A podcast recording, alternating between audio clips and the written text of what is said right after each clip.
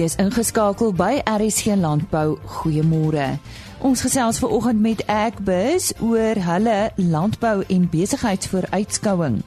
Dan hoor ons 'n seleniumtekort kan lei tot mastitis by melkkoeë. Die hoofuitvoerende beampte van die Suid-Afrikaanse Varkprodusente Organisasie is in die ateljee, so ook Dr. Chris van Duyk van die Melkprodusente Organisasie. Hy praat oor die wêreld suiwel spitsberaad. So heelwat om na uit te sien vir oggend, so bly ingeskakel.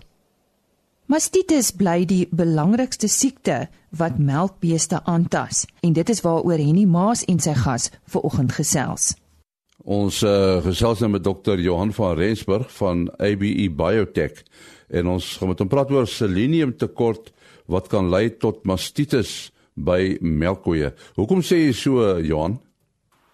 En nie, ons diere is geneties geteel om natuurlik baie hoë volumes melk te produseer deesdae. En uh, dit bring mee dat die dier en haar immuunstelsel onder ewige druk kom wanneer ons hierdie diere in hierdie hoë produksiesisteme begin gebruik. En normaal met voeding kan ons sekere van hierdie gapings of of leemtes wat ontstaan as gevolg van hierdie hoë produksie kan ons aanvul. Maar uh, met navorsing wat ons nou gedoen het, het ons gesien dat uh, van jou jou minerale, makro en mikrominerale en jou vitamiene eintlik 'n baie groot rol speel. Ehm um, en dit is iets wat ons nie altyd in gedagte hou, jy weet, wanneer ons kyk na mastitis, ons dink net altyd aan hierdie oorsake van bakterieë wat dit veroorsaak of 'n melkmasjien wat dit veroorsaak en so voort, maar ons het uh, ons ons kyk baie keer die fynere detail mis. En wat ons sien is is dat uh, waar ons nou met onlangse proewe selenium aangevul het by by melkkoeë, het die somatiese seltelling van hierdie diere dramaties verlaag. Ehm um, die groot rede daarvoor is is dat die immuunstelsel speel 'n baie groot rol in die behoud van die eier en en ook van melkproduksie.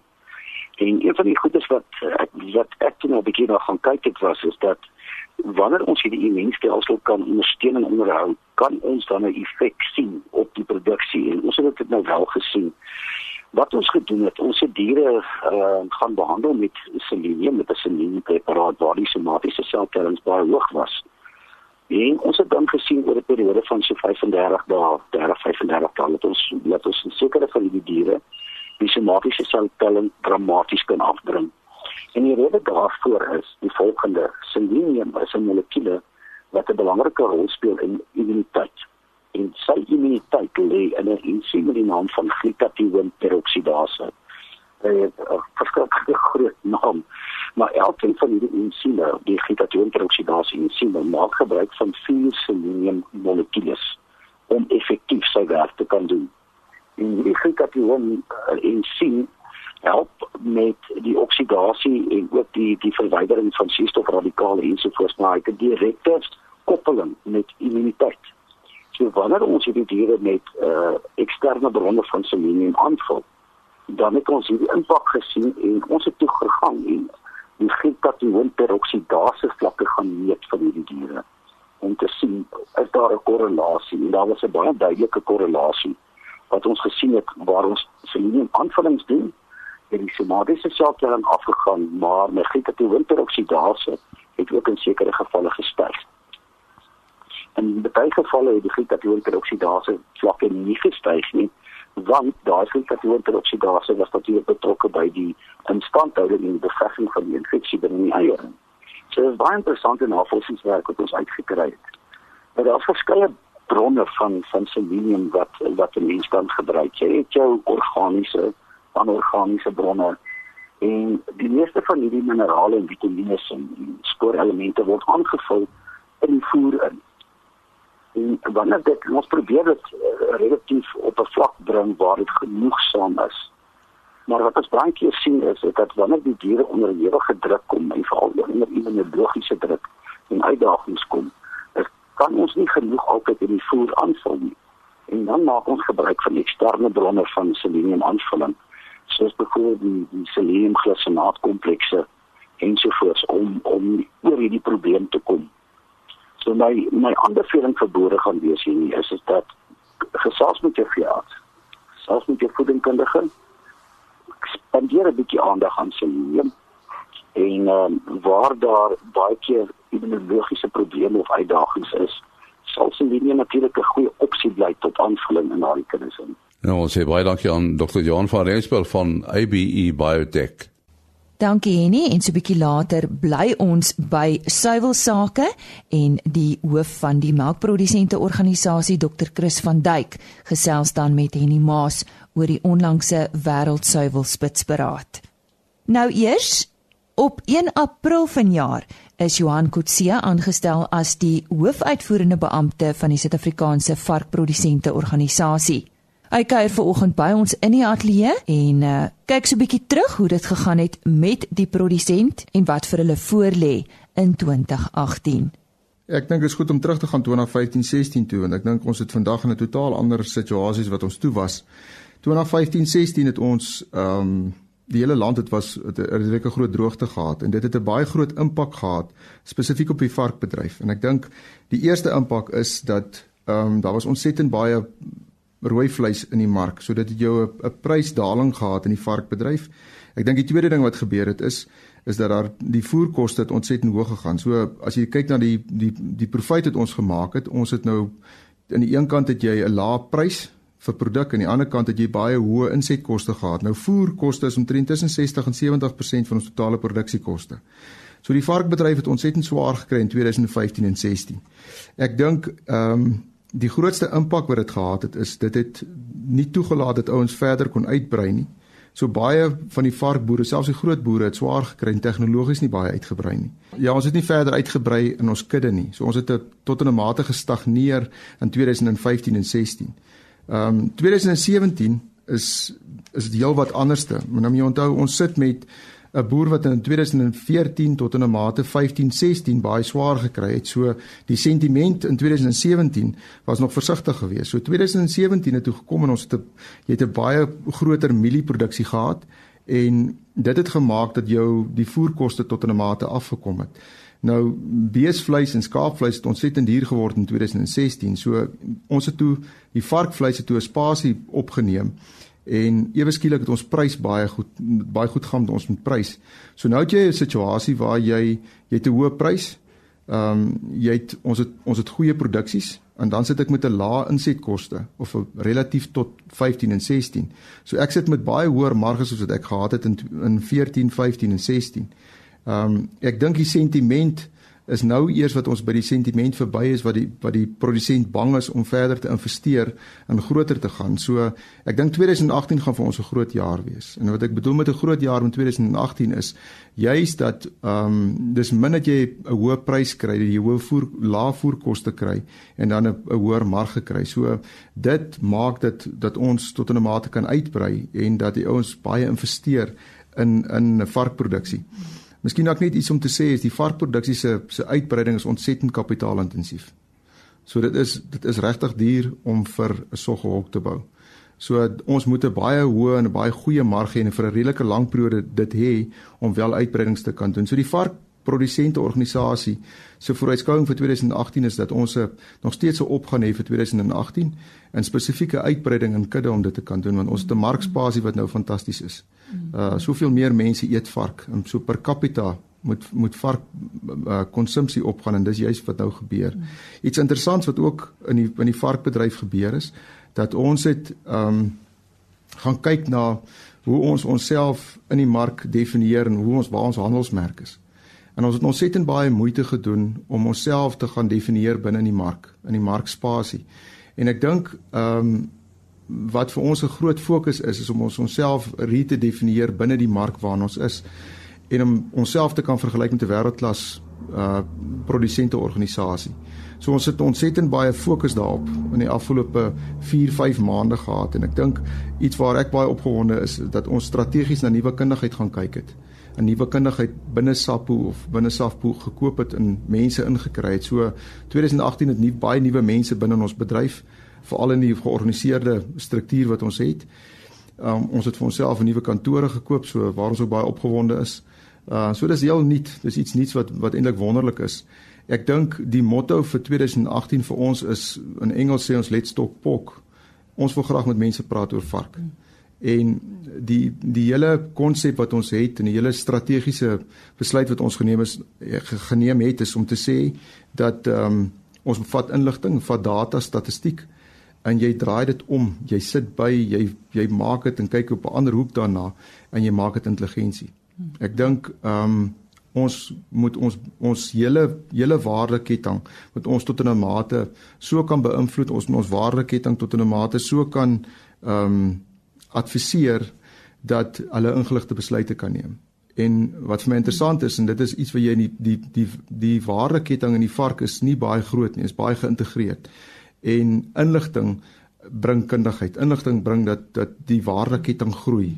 En ek dink dis 'n groot dryf wat ons het is om hierdie statistiek, die kundigheid te vat en dit om te draai in intelligensie te maak. En wat van nuwe boere? Hoe gaan julle die ontwikkeling daar hanteer? Ja, ons het nogal groot fokus ook op ons het redelik uitgebrei op die ontwikkelende mark, nuwe boere. So wat ek gesê dis baie kapitaalintensief. So dis vir vir 'n nuwe boer om 'n besluit te neem is nie jy druk 'n put in die grond en môre is hy daar nie. So daar's baie daar's daar's baie navorsing wat daar ingaan. So ons het ons het in die klein boere het ons 'n ehm um, ons het nuwe ontwikkelingsbestuurders aangestel. Ons het drie nuwe ontwikkelingsbestuurders aangestel juis om hierdie mark van ons te kry dat hierdie mark gesonde vark produseer en dat ons ons produsente kan help om ingeligte besluite te kan neem om die regte veral biosekuriteit praktyke te kan gebruik. Ehm um, ek dink dit's iets wat ons wêreld gehalte het, is biosekuriteit in vark. En so ons het 'n baie sterk fokus daarop om veral in die ontwikkelende kant die biosekuriteit te kan bestuur tot 'n mate te kan help om tot beter praktyke te kan wees. Ja, net vir ons luisteraars wat dalk nie weet nie, kan jy voldoen aan plaaslike verbruik? Soos 'n netto invoerder uitvoer, jy, jy kan vir ons bietjie meer duidelikheid daaroor gee dalk. Ja, soos my voorvanger altyd gesê het, hy sê Johannes, dan nou een ding is wat ek gewens het is dat 'n vark nie net aan sy linker en regterkant ribbe sit nie, maar ook bo en onder. Want die Suid-Afrikaners eet graag ribbes. So ons voer 50% van ons invoere wat ons het is ribbes. Ehm um, ons voer redelik vark uit in Afrika. Ehm um, so daar's redelik vark wat van ons af uitgaan Afrika toe, maar ons is selfproduserend in Suid-Afrika. So ons produseer genoeg vark in Suid-Afrika, maar die huidige ehm um, vleispryse is daar ontsettende behoefte en ontsettende vraag na vark. So ons ons het nuwe uitbreidings gehad in 2016 van ons grootste varkboere. So daai uitbreidings is besig om in te kom in 2018. So ons is selfvoorsienend in vark. En hierdie opwindende nuwe kantore van julle, waar gaan dit nou wees? Die nuwe kantore is in in Waterkloof. Ehm um, die die eenheid waar ons is, noem hulle the Wedge. Uh, so dis net agter PwC se kantore. Ons is ontsettend opgewonde daaroor. Mense kan van ons kant af kyk na die golfbaan sien, so dit voel hom of hy op die plaas is. En dis 'n belegging vir julle. Ja, ek dink dit is vir ons 'n belegging. Ek dink is dit dit is twee twee tweerlei. Dis vir ons 'n belegging en ek dink die tweede ding is ehm um, ek dink dit wys die industrie hoe hoe hoe ernstig ons daaroor is om 'n wêreldgehalte, wêreldklas organisasie te word. Ons sê baie dankie aan die hoofuitvoerende beampte van die Suid-Afrikaanse Varkprodusente Organisasie, Johan Kotse. En nou kuier ons saam met die melkprodusente organisasie. Ons uh, gesels nou met uh, Dr. Chris van Dijk, hy is die hoofuitvoerende beampte van die melkprodusente organisasie. Dit is die MPO. Nou die internasionale suiwel federasie of uh, die ESF uh, se wêreld suiwel spitsberaad is onlangs in Belfast daar in Ierland gehou en uh, Dr. Chris van Dijk het ook die geleentheid uh, bygewoon. Chris, uh, wat presies is die ESF? En ja, goeiemôre. Ehm um, die ESF of soos in Engels is die IDF, the International Dairy Federation. Dis 'n organisasie, is 'n nuwe winsorganisasie wat omtrent al die lande wat iets met melk te doen het in die wêreld behoort aan die ESF. Ehm um, maar jy weet ons het basies ons fokus wat ons daar het is ehm um, in Suid-Afrika is ook 'n lidland dan van die ESF is om te kyk na die volhoubaarheid van die suiwelindustrie. En ek dink baie belangrik ook die veiligheid en die kwaliteit van die melk. Nou daar's basies um, nege fokusareas wat dan nou hierdie strategiese pilare ondersteun. En binne hierdie fokusareas is daar dan weer um, 17 staande komitees. En uh, ek wil sê omtrent in elkeen van hierdie 17 staande komitees um, is daar 'n persoon uit Suid-Afrika wat dan um, daar verteenwoordig is en wat dan weet wat op hierdie komitees dien. Nou as mens nou kyk na die uitdagings op 'n globale basis, uh wat sou dit wees? En as mens gaan kyk na die die tema van die spitsberaad was gewees maak 'n verskil met suiwel en ek dink baie van die gesprekke het rondom dit gegaan. Jy weet, hoe kan ons 'n verskil met suiwel maak? Maar ek dink die die uitdagings op 'n globale basis wat ons op die eerste dag um, aangespreek het. Ehm um, ek dink hulle is redelik senuweeagtig binne in die Verenigde Koninkryk veral weet hulle het nou die hele Brexit situasie wat hulle daar het. En daar was lang gesprekke gewees rondom wat gaan gebeur met Brexit en wat se invloed gaan dit hê op Engeland of op die Verenigde Koninkryk. En daar's 'n persoon in die Britse melkbedryf Petrangeli hy is die bestuurende direkteur van um, Arla Foods in in Engeland. Hy het onder andere dat hy tariefvrye handel met die e, met die e, Europese Unie bepleit aangesien die grootste gedeelte van die Britse melk uh, Britse melk natuurlik uitgevoer word En dan sou ook tussen 40 en 80% van die mense betrokke by die uh, melkbedryf in Engeland of in die Verenigde Koninkryk is nie Europeërs nie. Jy weet dis ag is Europeërs self is nie mense wat uit uit Engeland uitkom nie. En dit gaan natuurlik ook 'n groot effek hê. En hy dan bepleit dat daar uiteindelik dan 'n oorgangsperiode tot uh, 2022 sal wees om eers alles in plek te kry. En ek dink dis jy weet um, die vraag was dadelik, jy weet maar wat se effek gaan dit hê op ons um, in Suid-Afrika? En ek dink is miskien te gou, jy weet soos ek gesê het, hulle het nou uitstel gevra tot 2022 maar dis dalk te gou om te sê wat se effek gaan dit op ons hê. Maar ek dink as mens gaan kyk na jy weet die ingevoerde produkte wat ons in Suid-Afrika kry, meeste van die produkte kom uit Europa, um, uit um, uit Europa uit en ons het natuurlik die ooreenkoms wat ons met die Europese Unie het. En ek dink die, um, die goed sal dan uiteindelik jy weet soos hierdie hele Brexit saak gaan dan ontwikkel, gaan ons uiteindelik sal ons dan verder met die Verenigde Koninkryk um, onderhandel om seker te maak dat ons um, mark wel beskerm is en dat daar nie onnodige melk dan op op ons of op of van um, binne ons mar, um, mark gestort word nie. Daar daar's baie klem gelê nê op volatiliteit in die suiwerbedryf. Is daar oplossings vir hierdie uh, op en af bewegings in die suiwerbedryf? En nee, ja, ek dink volatiliteit is een van die bekende goed. Ek dink as enige plek in 'n landbou is dit 'n probleem of is dit 'n um, aspek wat wat mense aan aandag moet gee. Maar ek dink ons mense gaan nooit uiteindelik, jy weet, 100% dit ehm um, veral wat die prys betref dit kan bestuur nie. Daar's baie faktore of drywers wat dan nou wêreldwyd bydra tot die verandering in die melkprys. En ek dink hierdie drywers word baie goed deur die industrie inligtinggroep wat deel van Melkesa en wat dan deur die NPO gemonitor word, word dit bedryf en ek dink enige verandering wat um, in die mark, jy weet, op 'n wêreldwye basis en wat uiteindelik 'n effek kan hê op die Suid-Afrikaanse bedryf word dadelik aangeteken en is 'n ding wat ons dan baie gou dan deurgee aan die mark en wat die mark dan moet gebruik as as een van die syne wat hulle dan kan gebruik om hulle uiteindelik weet het sy dit dan nou binne die ehm um, op die plaas self is of dan buite die plaas jy weet by die um, verwerkers is en uiteindelik by die klein kleinhandel ook maar jy weet dit is van daai syne en tendense wat 'n mens moet gebruik om seker te maak dat jy voor die mark kan bly en uiteindelik seker kan wees dat jy wel winsgewend kan boer en uiteindelik jy weet winsgewend um, binne in die bedryf kan kan handel dryf. Nou, hoekom het daar so baie klem gelê op die rol van suiwel as deel van 'n atleet se voedingsprogram? En ja, dit was 'n baie interessante program wat ons gehad het of 'n deel van die aanbieding. Maar ek dink as mense gaan kyk na melk, jy weet melk is 'n baie goeie kwaliteit produk en ek dink as mense gaan kyk, hy het al die minerale, hy het al die energie, hy het 'n pH wat um, baie stabiel is of 'n pH wat dan nou uiteindelik vir 'n atleet, jy weet, in val 'n atleet nadat hy geoefen het, um, kan hy daai energie aanvul, hy kan hy vloeistofbalans regstel en dan eh, ook dan uiteindelik help met die herstel van die spierweefsel en ek dink dis van die goed wat ons uiteindelik deur die verskillende programme wat deur Melk SA aangebied word wat ons sal terugbring na die atlete toe en terugbring terug sal bring na die publiek van Suid-Afrika toe. En in die hele kwessie van diere gesondheid en veral diere welsyn, uh jy het ook daarna gekyk, né? Nee? En ja, um, diere gesondheid en diere welsyn, jy weet die uit die aard van my opleiding en agtergrond dink ek weet dit ek um, al die um, sessies ook bygewoon. Maar ek dink om die um, um, om die bedryf uiteindelik volhoubaar te te kan hou, moet ons diere gesond hou. En dis 'n baie belangrike aspek wat ons nou moet kyk en dan uiteindelik ook die um, diere welsyn is een van die goed waarna baie aandag gegee moet word en wat ons ook um, baie aandag gaan gee in Suid-Afrika.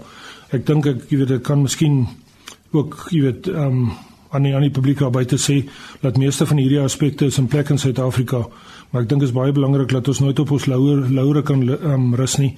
En veral deur die nasionale dieregesondheidsforum, jy weet, gaan ek dan aan die industrie terugvoer gee om te verseker dat ons dan uiteindelik 'n uitvoerland sonder enige beperkings kan raak. Want dis dis een van die redes wat ons het, jy weet, dat ons op die stadium probleme het met uitvoer dat um, weet ons melk is nie 100% reg vir uitvoer nie en dis 'n ding waarna ons veral moet aan aandag aan gee. En dan die kernvraag natuurlik, is die bedryf werklik volhoubaar? En ja, dis 'n vraag wat ons gereeld kry en ek dink dis die kort antwoord is ja, jy weet dis op 'n wêreldwye basis, maar ook vir die Suid-Afrikaanse bedryf. Weet, dis ek baie positief veral nadat ek nou weer daar in Ierland was en amper 'n week kon spandeer het, jy weet, om te gaan kyk waarmee die mense aan die gang is en dis ook dan, jy weet, een van die strategiese fokuspunte van die NPO is juis daar om te gaan kyk na die volhoubaarheid. Jy weet ons kyk na die ekonomie, ons kyk na die mense, baie belangrik die mense van die melkery, jy weet die boere en dan die mense wat vir hulle werk dan self ook en dan jy weet baie belangrik as deel van die ehm um, omgewingssituasie is om te gaan kyk na die gesondheid van die diere, te kyk na hulle welsyn en dis goed wat ons dan op 'n daaglikse basis dan binne die NPO aanspreek. So kortliks om op te som, ek dink die bedryf is volhoubaar en ons gaan uiteindelik gaan ons net vorentoe kan gaan. Ons sê dankie aan Dr. Kussondijk, die hoofuitvoerende beampte van die NPO. Dankie Annie. Ek besit landbou media uitgenooi na hulle landbou en besigheidsvooruitskouing. Ek het na afloop van die verrigtinge met Dr. John Purchase gesels. Jy het aan die begin van jou aanbieding gesê hoe die verbruiker in Suid-Afrika verander het. Miskien kan jy net vir ons so 'n paar punte daarvan gee. Dit was nogal 'n interessante opmerking. Ja, dankie Lize. Uh altyd goed om met julle te gesels. Ek dink wat ons moet doen uit die uit 'n uh, uit die landbouvoedselstelsel en ook uit die landboubesigheidsstelsel is om ook heeltyd te kyk hoe verbruikerspatrone verander. En een van die, die wat ons sien is dat ons sien 'n per capita afname uh in die inname van stysels en meer 'n beweging na vars vrugte en groente uh meer die gesondheidsprodukte. Uh, so verbruikerspatrone verander oor die wêreld. Ons het gesien ook 'n baie groot sprong na dierlike proteïene, spesifiek ook hoender. Wêreldwyd maar in Suid-Afrika is dit tipies. So heeltyd moet jy jou verbruikerspatrone analiseer en kyk waar's die markte, want jy moet produseer vir die mark. So markontwikkeling en mark uh analise bly krities vir ons landbouvoedselstelsel. Het jy gepraat van die 4de industriële revolusie en ons dink nou hier aan iets soos Bitcoin. En dit is 'n realiteit. Ja, ek dink Bitcoin is 'n realiteit en daar's baie spekulasie oor sogenaamde bubbles en en en en wat is die waarde agter Bitcoin? Maar ons moet onthou dat blockchain is 'n stelsel van transaksies wat definitief gaan inkom in die bankwese, in die handelswese uh en en jou sogenaamde cryptocurrencies. Wat Bitcoin is, gaan die gaan die betalingsmeganisme eintlik wees binne blockchain. So mense moet verstaan terwyl dit klink soos 'n groot foefie, is daar ook uh meriete in in hoe hierdie stelsel gaan werk. Ja, wat die werklike prys daarvan moet wees, dit is wat die mark oor spekuleer en dis hoekom jy daai volatiliteit sien. Maar of ons dit wil daarvan hou of nie, hierdie is nuwe tegnologie wat gaan inkom uh in die bankwese en in die handelswese en ons moet reg wees om dit uh op te neem in Suid-Afrika anders gaan ons gemarginaliseer word uit 'n uit 'n wêreld of 'n globale uh, verhandelingsstelsel.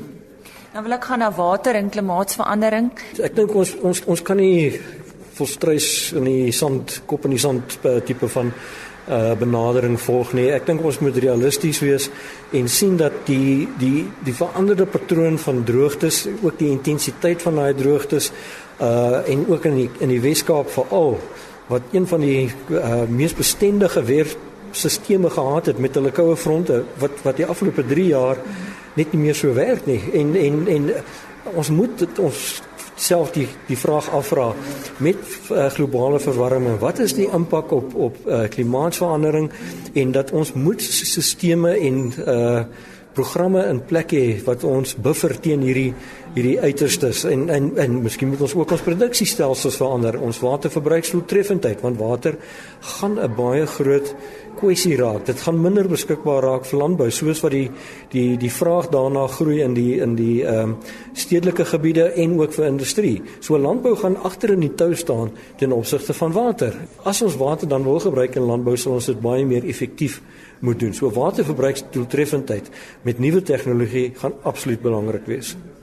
John en dan um, internasionale groei en ontwikkeling. Waarvan dink jy moet ons bewus wees in Suid-Afrika wat veral wat landbou betref en ek ek kyk nou na 'n groter prentjie wêreldwyd.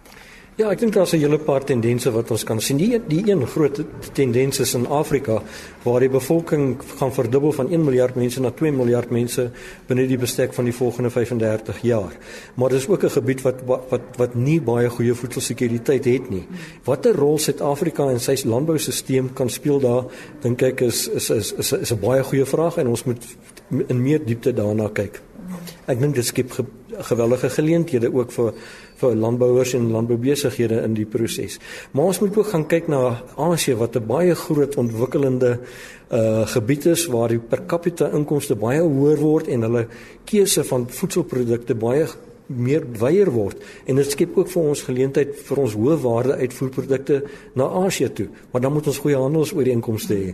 Uh en ons kompeteer met met lande uh, soos Australië, Peru, Chili wat vrye handelsooreenkomste het met daai lande en ons is dan aan die aan die in die swak kant van mededinging as ek dit so kan stel. So daar's so baie goed waarna ons moet kyk. Ons moet kyk na Brexit, ons moet kyk na 'n nuwe handelsooreenkoms met die met die FSA wat AGOA moet vervang basis. So daar is soveel geleenthede en soveel herposisionering wat ons eintlik moet doen om seker te maak ons bly mededingend en seker te maak ons het toegang tot ons uh tot markte. Want ons ons is 'n netto uitvoerder van landbouprodukte.